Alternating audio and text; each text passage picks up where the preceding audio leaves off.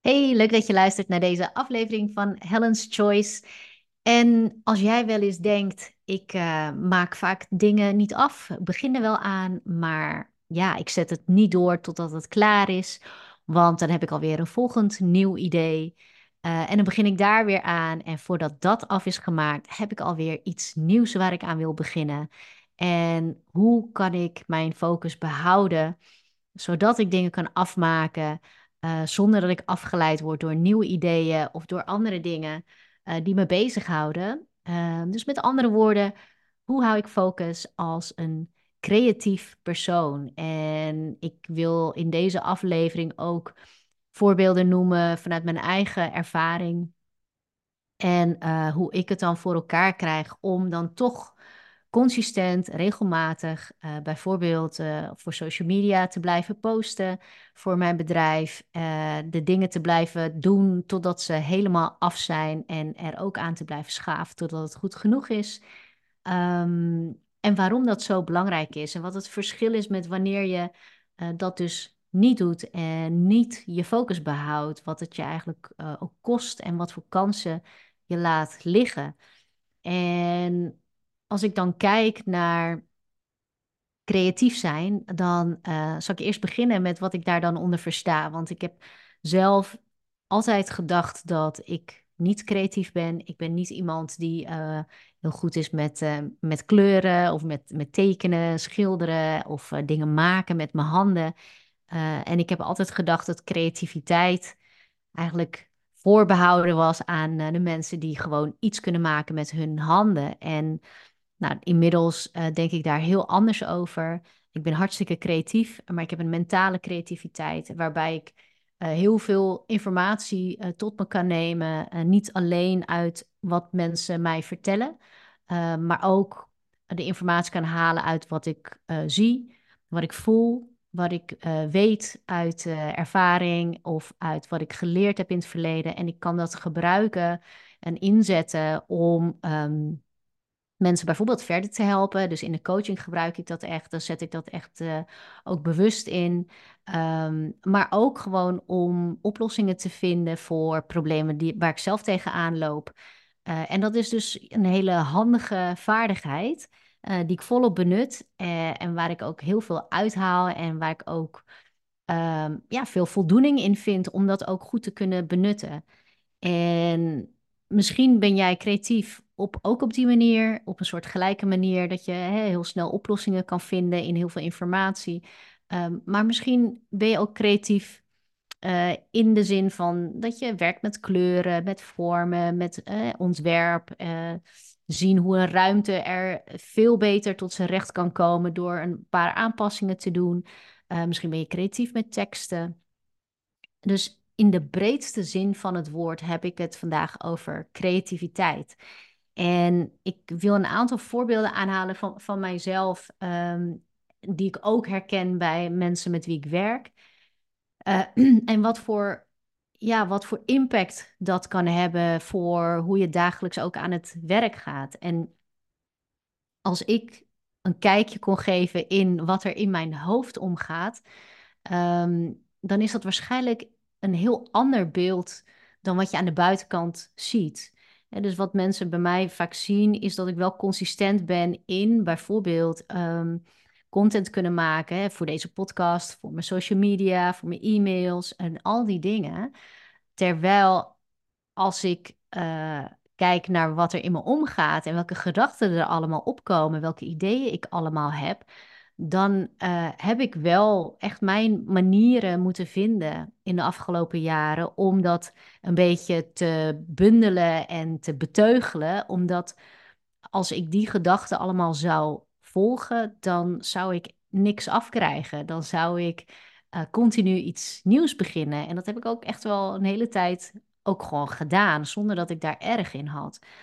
Dus wat ik in het verleden heel vaak gedaan heb, is dat uh, ik was zo gefocust op het volgen van het plezier in mijn werk, uh, dat ik dus heel erg op mijn gevoel altijd handelde. En als mijn gevoel dan aangaf dat ik geïnspireerd was om iets nieuws te maken, dan, dan gaf ik daar heel makkelijk aan toe. En dan deed ik dat ook. Wat natuurlijk hartstikke mooi is, want dat was natuurlijk een van de redenen waarom ik een carrière switch heb gemaakt, is om te gaan doen wat ik echt leuk vind. Uh, maar de nadruk lag zo erg op dat plezier en het enthousiasme in mijn werk, uh, dat in eerste instantie ja, ik helemaal wars was van elke beperking daarin. Dus ik, als ik dan een nieuw idee had, dan ging ik er gewoon mee aan de slag. En als ik een spontane ingeving had, uh, dan dacht ik, ja, weet je, dat moet ik dan gewoon volgen. En het gevolg daarvan uh, ja, was soms wel heel, heel direct te merken in het resultaat. Uh, dus als voorbeeld, de podcast waar je nu naar luistert, daar ben ik nu meer dan een jaar. Um, heb ik daaraan gewerkt om iedere week, in het begin deed ik het iedere twee weken, maar vervolgens iedere week uh, heb ik gewoon een aflevering klaarstaan voor je om te beluisteren. Uh, maar in 2000, ik denk dat het 2019 of zo is geweest, toen had ik ook al een podcast uh, in de ether geslingerd. En dat was naar aanleiding van een heel enthousiaste ingeving om dat te doen. Ik dacht, oh, ik wil een podcast en uh, ik ga dat nu gewoon meteen aanpakken. En ik heb meteen dezelfde dag of de dag daarna heb ik mijn eerste aflevering gepubliceerd. Hartstikke blij, heel enthousiast. Uh, aangekondigd op social media en ik was van alles eigenlijk van plan. Maar ik was eigenlijk vooral bezig geweest om uiting te geven aan dat enthousiasme door het gewoon te doen. En hoewel dat aan de ene kant hartstikke goed is dat je uh, snel uh, besluit en handelt, is het niet altijd handig om elke ingeving uh, te volgen. En het gevolg van die ingeving en het volgen van die ingeving, dus zonder plan een podcast beginnen, ja, het gevolg daarvan was dat het bij die ene aflevering is gebleven. Want daarna dacht ik, ja, wat moet ik nu gaan delen? En ik werd eigenlijk alweer opgeslokt door het volgende wat er moest gebeuren. En misschien herken je dat ook in de praktijk, dat je soms begint aan dingen uh, zonder dat er een plan achter zit.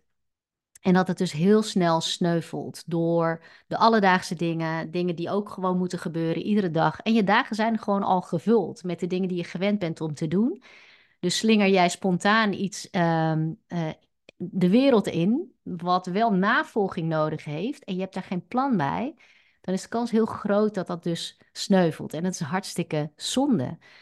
En nadat, uh, ja, fiasco wil ik het niet noemen, maar dat was natuurlijk wel een teleurstelling dat ik dat gewoon niet wist voor te zetten.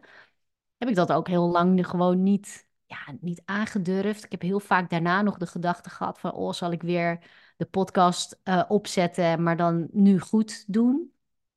En um, ja, en omdat ik dus daar geen gevolg aan had gegeven na, na één aflevering al, wilde ik dat gewoon niet meer zomaar oppakken. En heeft het dus jaren nog geduurd uh, voordat ik besloot om het wel te doen en het dan goed op te pakken. En ondertussen was dus mijn excuus iedere keer van ja, maar ik heb geen tijd en anders blijft het weer maar bij één aflevering. Maar geen tijd hebben is nooit, um, nooit de werkelijke reden waarom je dingen niet doet. En in mijn geval was het dus ook de angst om het weer op die manier te doen. Ja, dat er ook weer één aflevering uitkomt of maar twee. Uh, die angst regeerde eigenlijk onbewust, waardoor ik het gewoon jarenlang uh, heb uitgesteld. Hè. Dat is natuurlijk ook waar uitstelgedrag vaak ook vandaan komt is gewoon een angst dat het niet, niet gaat lukken, dat je het niet gaat afmaken, dat je niet gaat volhouden. Uh, tot, tot 2022. Uh, eh, en toen dacht ik van ja, maar geen tijd. Dat is natuurlijk geen reden. Ik wil heel, heel graag een podcast neerzetten. Ik ga het nu goed aanpakken en ik maak nu wel een plan. En ik ga het nu ook echt, ik ga het nu ook echt goed uitzetten.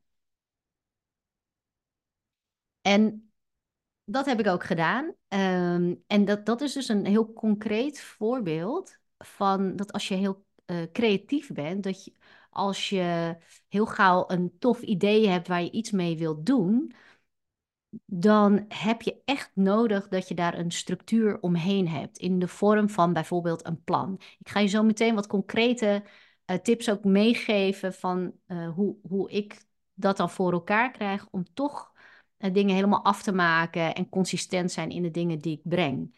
Hè, maar dit is even een illustratie van hoe belangrijk structuur dus eigenlijk is voor focus als jij een creatieveling bent. En ehm, nou, met de podcast is dat dus wel gelukt, hè, door gewoon een, het en te besluiten te gaan doen, om het goed aan te pakken en, en daar ook een plan aan te verbinden. Ehm, maar een ander voorbeeld is bijvoorbeeld ehm, dat ik mijn e-book had geschreven in 2017. Ik was er enthousiast over om dat te maken. Ik dacht, ik ga dat gratis beschikbaar maken. En ik had geschreven, ik had twee mensen er al naar laten kijken. Die waren hartstikke enthousiast. Dus ik was op 80% van dat hele e-book.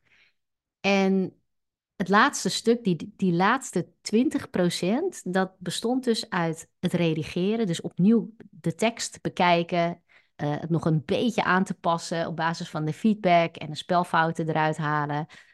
Uh, dan moest het e-book nog opgemaakt worden. Uh, en dan moest die natuurlijk kenbaar gemaakt worden. Dus dat ik daar social media posts over ging schrijven. Dat er een funnel achter gebouwd werd. Dus er, uh, er was nog wel het een en ander nodig. En wat er voor nodig was, dat werd in mijn hoofd mega groot en heel zwaar. Want redigeren vind ik echt niet leuk. als ik mijn tekst heb geschreven, dan wil ik er ook vanaf. Dan, dan wil ik gewoon dat het helemaal klaar is. Ik wil er niet nog zes keer naar kijken. Um, het bouwen van een funnel.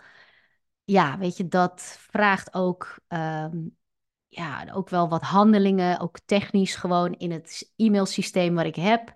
Dat vind ik saai. Uh, maar ja, moet wel gebeuren. De e-mails moeten daar nog voor geschreven worden. Dus daar moest ik ook over nadenken. Dus alleen het, de gedachte al dat ik dat allemaal moest gaan doen, maakte het uh, enorm groot in mijn hoofd. En wat er toen gebeurde, gebeurde eigenlijk zonder dat ik daar erg in had. Uh, want voor ik het wist, was ik weer drie jaar verder, geloof ik. Uh, en was ik de hele e-book gewoon vergeten.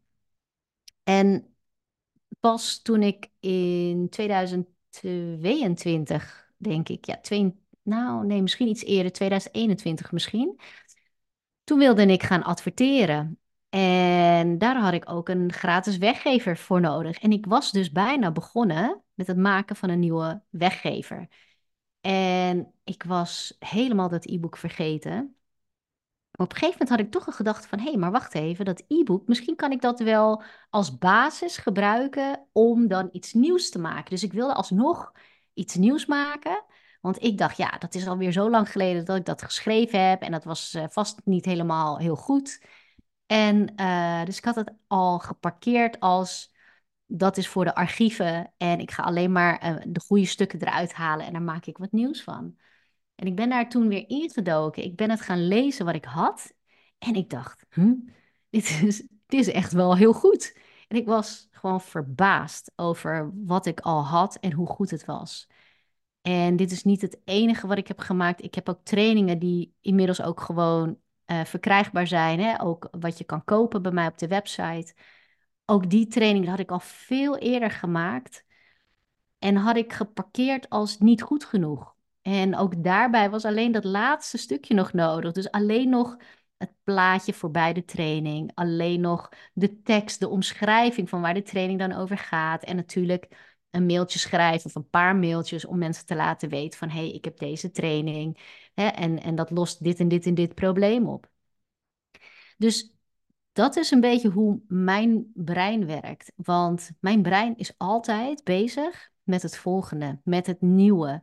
Uh, die heeft een bepaalde ongeduld, een bepaald ongeduld om uh, dingen te herhalen en, uh, en het opnieuw te bekijken. en dat is dus waardoor je, als je dat niet beteugelt en als je daar geen kaders voor stelt, um, dan loop je zoveel kansen mis. Dan maak je heel vaak dingen niet af. Dan zet je niet door waar je juist moet doorzetten. zonder structuur zou dat bij mij, en dat heeft het dus in het verleden zeker gedaan, zou dat bij mij echt zorgen voor gemiste kansen, gemiste omzet, uh, niet uitgebrachte producten.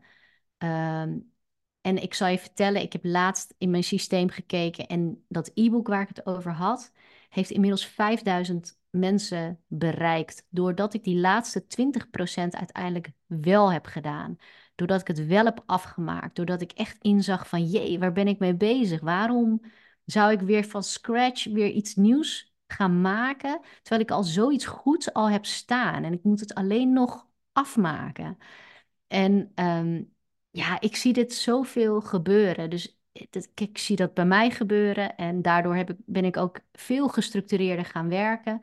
En echt met een, uh, met een planning gaan werken. En ik zet voor mezelf echt kaders neer, waardoor ik wekelijks gewoon werk aan de dingen die nodig zijn om iets uh, echt te bouwen, af te maken, beter te maken. Um, omdat het en leidt tot natuurlijk betere resultaten. Want je kunt de vruchten niet plukken van iets wat je niet hebt afgemaakt. Maar het geeft ook, um, het geeft ook rust. Het geeft gewoon rust om te weten dat ik nu op een manier werk waardoor heel veel van mijn inspanningen niet weggegooid zijn. Want alles wat je ergens insteekt, wat je niet afmaakt, dat is natuurlijk verspilde energie, verspilde tijd. En dat is zo zonde, want als je het dan niet afmaakt, dan hoef je er ook niet aan te beginnen. Dan kun je het maar beter hè, benutten voor iets wat je ook echt helemaal uh, afmaakt. En dat zijn zo een paar, um, ja, een paar voorbeelden, concrete voorbeelden van wat het me ook gekost heeft aan, aan omzet. Gewoon, want ik had dus veel eerder kunnen adverteren uh, met mijn gids, waardoor ik veel eerder aan meer klanten kon komen. Uh, want dat is wel waar dat toe leidt. Zo'n zo'n gratis e-book, als je daar een funnel achter bouwt. Uh, en dat had allemaal veel sneller gekund, veel eerder. En, en, en, toen waren de advertenties nog goedkoper dan dat ze nu zijn. Dus kijk, alles wat je uitstelt, um, dat kost geld. Dat kost tijd, het kost energie. En, en daarom is structuur, als je als je wat herkent hè, in, in manieren van uh, doen, in het niet afmaken, in het niet doorpakken, uh, weet dan dat de structuur eromheen bouwen die jou helpt om het wel af te maken, om de dingen te doen die nodig zijn, um, dat gaat zoveel verschil maken in je bedrijf, hè, als je een bedrijf hebt. Maar ja, misschien kun je dit ook toepassen in gewoon je persoonlijke leven. Dat je dingen oppakt, maar ja, het gewoon niet afmaakt. En als ik dan stilsta bij, oké, maar hè, hoe doe ik dat dan? En, en hoe doe ik dat ook met mijn klanten? Want mijn klanten zijn vaak de ondernemers die ik dan help. Dat zijn creatieve ondernemers ook. Die, die ja, hebben ook heel veel ideeën en heel veel inspiratie. En zijn ook wars uh, van een van te veel structuur. Dus op het moment dat structuur heel beknellend gaat worden, omdat je het, ja, je wil het ook niet helemaal dicht timmeren, want je bent niet voor niks creatief. Dus je wil ook de ruimte hebben om creatief te blijven. Maar creativiteit zonder kaders, ja, dat zorgt er gewoon voor dat je all over the place bent en, dat je continu uh, bezig bent met weer nieuwe dingen. Dus je wil structuur, maar zonder dat het, uh, dat het je beknelt. Je wil echt dat het je ondersteunt in je creativiteit, waardoor je creativiteit juist meer tot zijn recht komt dan zonder die structuur. Uh, dus als ik kijk naar hoe ik dat zelf destijds heb gedaan, um, is dat onder andere door een gewoonte in te bouwen. Een gewoonte in een dag, vaste dagen en tijden om bepaalde dingen te doen zonder dat je je hele dagen helemaal gaat vastzetten. Dus dat je niet alles gaat inplannen van dan doe ik dat en dan doe ik dat. Dus ik heb altijd ook ruimte nodig in mijn agenda, maar ik heb wel degelijk vaste dagen en tijden voor bepaalde taken. dus zoiets als mijn podcast bijvoorbeeld, die doe ik altijd op maandag omdat ik weet dat die dan op tijd is om op dinsdag uitgegeven te worden. En ik wil er naartoe, dus dat is mijn volgende fase. Ik wil er naartoe dat ik daar ook in vooruit ga lopen. Dus dat ik langer van tevoren dingen ga inplannen. Maar ja, je, je bouwt zoiets ook gefaseerd in. Dus vaste dagen en tijden voor bepaalde uh, dingen waar je routine in wilt krijgen, is super handig. Een tweede wat voor mij heel belangrijk is, is een stukje automatisering. Dus dat bepaalde dingen automatisch gaan en niet altijd afhankelijk zijn van mijn energie, mijn grillen. Dus ik ben ook bezig met het bouwen van bijvoorbeeld een funnel. Uh, maar ik gebruik bijvoorbeeld ook een kalender waar mijn klanten ook hun afspraken in, zelf in kunnen plannen, zodat wij niet continu heen en weer uh, aan het appen of aan het mailen zijn om afspraken gepland te krijgen. En ze krijgen ook automatisch bijvoorbeeld een herinnering voordat we de afspraak hebben. En dus daarnaast kijk ik ook naar wat is belangrijk voor mij in hoe ik werk.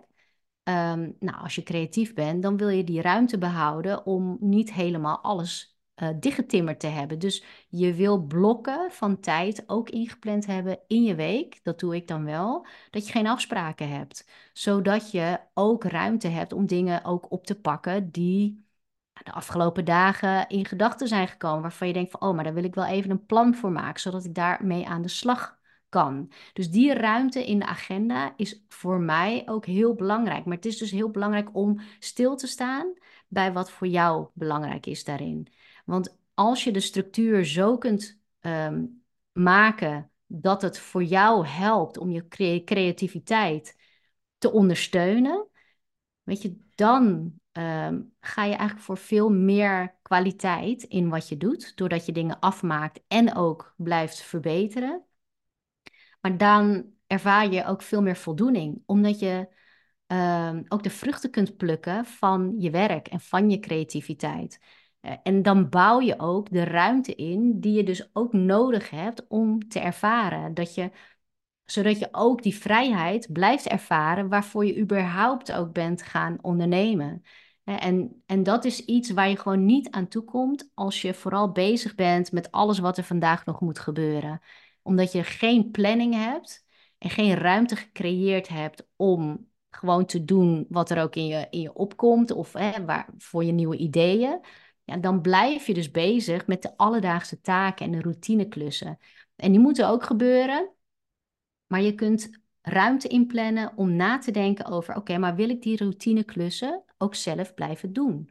Want als dat niet zo is, maar het moet voor je bedrijf wel gebeuren, bijvoorbeeld je administratie, dan kun je dus ruimte gaan inplannen om te gaan bouwen aan iets waarbij jij het niet meer zelf hoeft te doen, maar dat het deels geautomatiseerd gebeurt of dat je het kunt gaan delegeren.